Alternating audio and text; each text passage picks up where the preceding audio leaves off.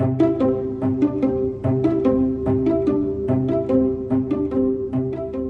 gemeente, goeiemôre luisteraar.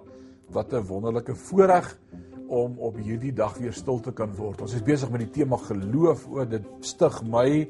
Dis vir my awesome. Dis vanmôre ons sewende oggend van hierdie reeks van so 10 oggende. Daar's nog so 3 oor en ek wil vanmôre met jou praat oor God gee ons hoop vir môre. Ah, wat 'n wonderlike wete vir my en jy as kind van God om te kan sê ons het hoop vir die dag van môre. Het jy al die Bybel deurgelees van Genesis tot Openbaring? Weet jy dat daar beloftes is wat begin met die woorde elkeen of wie ook al? En as ons daardie beloftes vat in die woord van die Here met as hy sê elkeen of wie ook al en daar's meer as 30000 beloftes in die Bybel. Kan jy dit glo? 30000. En God sal elke belofte wat hy maak nakom. God praat en as hy iets sê, is dit so. Hy's nie 'n man dat hy iets sal sê wat nie so is nie. So al die mislukkings in die toets van geloof het te doen met wat ek glo aangaande die toekoms. Dis waaroor geloof gaan. Wat glo ek oor die toekoms? So ek wil vandag 'n paar skrifte met jou deel en ons gaan kyk in die boek Hebreërs veral in hoofstuk 6 vanmôre en ek wil 'n paar verse met jou deel. Hoofstuk 6 vers 11 en 12 sê vir ons dit is vir ons vurige wens dat elkeen van julle end uit dieselfde ywer as vroeër aan die dag sal hê. Totdat die dinge waarop julle hoop vervul is.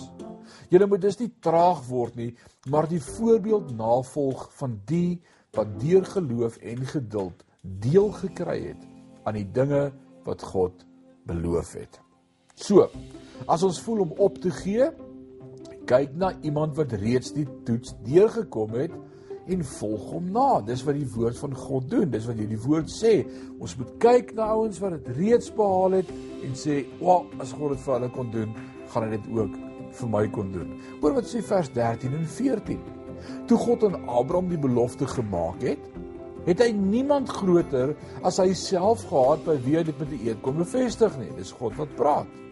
Daarom het hy dit met 'n eed by homself bevestig en gesê: Ek sal jou beslis ryklik seën en jou 'n baie groot nageslag gee. Dit kom ons dink gou terug aan Abraham en sy geskiedenis. Abraham op 'n hoë ouderdom, 100 jaar, Sara 80, God het hom 'n kind beloof. Isak word gebore en wat gebeur?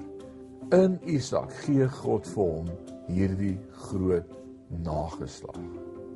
En is dit nie waar dat God sy belofte waar gemaak het nie? God het gesê ek sal dit doen. God het dit gedoen. En kyk vandag die Joodse volk reg oor die wêreld terug in Israel. Oh man, God het dit gedoen. So God is 'n waarmaker van sy woord. Nou is die vers 15 en 16 van Hebreërs 6. En so het Abraham dan nadat hy geduldig gewag het, ek dink hier's 'n sleutelwoord vir môre geduldig gewag, gekry het wat aan hom beloof is. Mense lê 'n eed by iemand groter as hulle self af. Vir hulle is dit 'n bevestiging van 'n saak en dit sluit alle teespraak uit. God het gesê ek beloof by myself ek sal met julle wees. Hoor wat sê vers 17 en 18 vanmôre van Hebreërs 6. En omdat God aan die erfgename van die belofte bo alle twyfel wou verseker dat sy besluit onveranderlik is, het hy dit met 'n eed gewaarborg.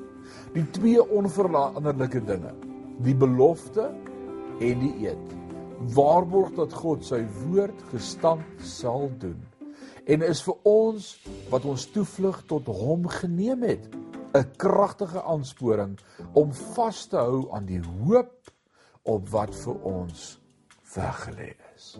Ons kan God vertrou dat sy beloftes altyd tot vervulling sal kom. As ons in 'n toets kom en ons is nou in 'n toets en voel of ons wil weghardloop, kyk na die toekoms en kry 'n belofte van God. En hoor wat sê vers 19 en 20 dan.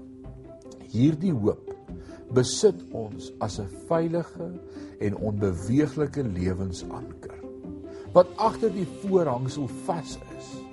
Daar het Jesus ons voorloper ter wille van ons ingegaan en hy is vir ewig hoëpriester volgens die orde van Melchisedek. Hoop is my en jou anker van ons siele. En agter die sluier is die teenwoordigheid van God en ons anker in die lewe is Jesus Christus. Die verbintenis tussen al ons toetse is gegrond of op ons God se beloftes kan glo of nie. En ek wil vanmôre vir jou sê ek glo God se beloftes. Vat vandag sy woord, maak hom oop sê Here, help my om opnuut 'n belofte van u woord te kry. Sommige net een vanmôre is die woord sê ek sal jou nooit begewe en jou nooit verlaat nie. Kom ons bid saam. Ewige God en Hemelse Vader, wat 'n wonderlike voorreg om vanmôre met U te kan praat, om aan die begin van hierdie dag te kan stil word, hierdie dag op te dra aan U, vandag nuut uit die woord uit te sien en te beleef U is ons hoop vir die dag van môre. Dankie vir U woord. Dankie vir die beloftes. Dankie vir die anker wat ons het in die lewe. Ons eer U daarvoor in Jesus naam. Amen. thank you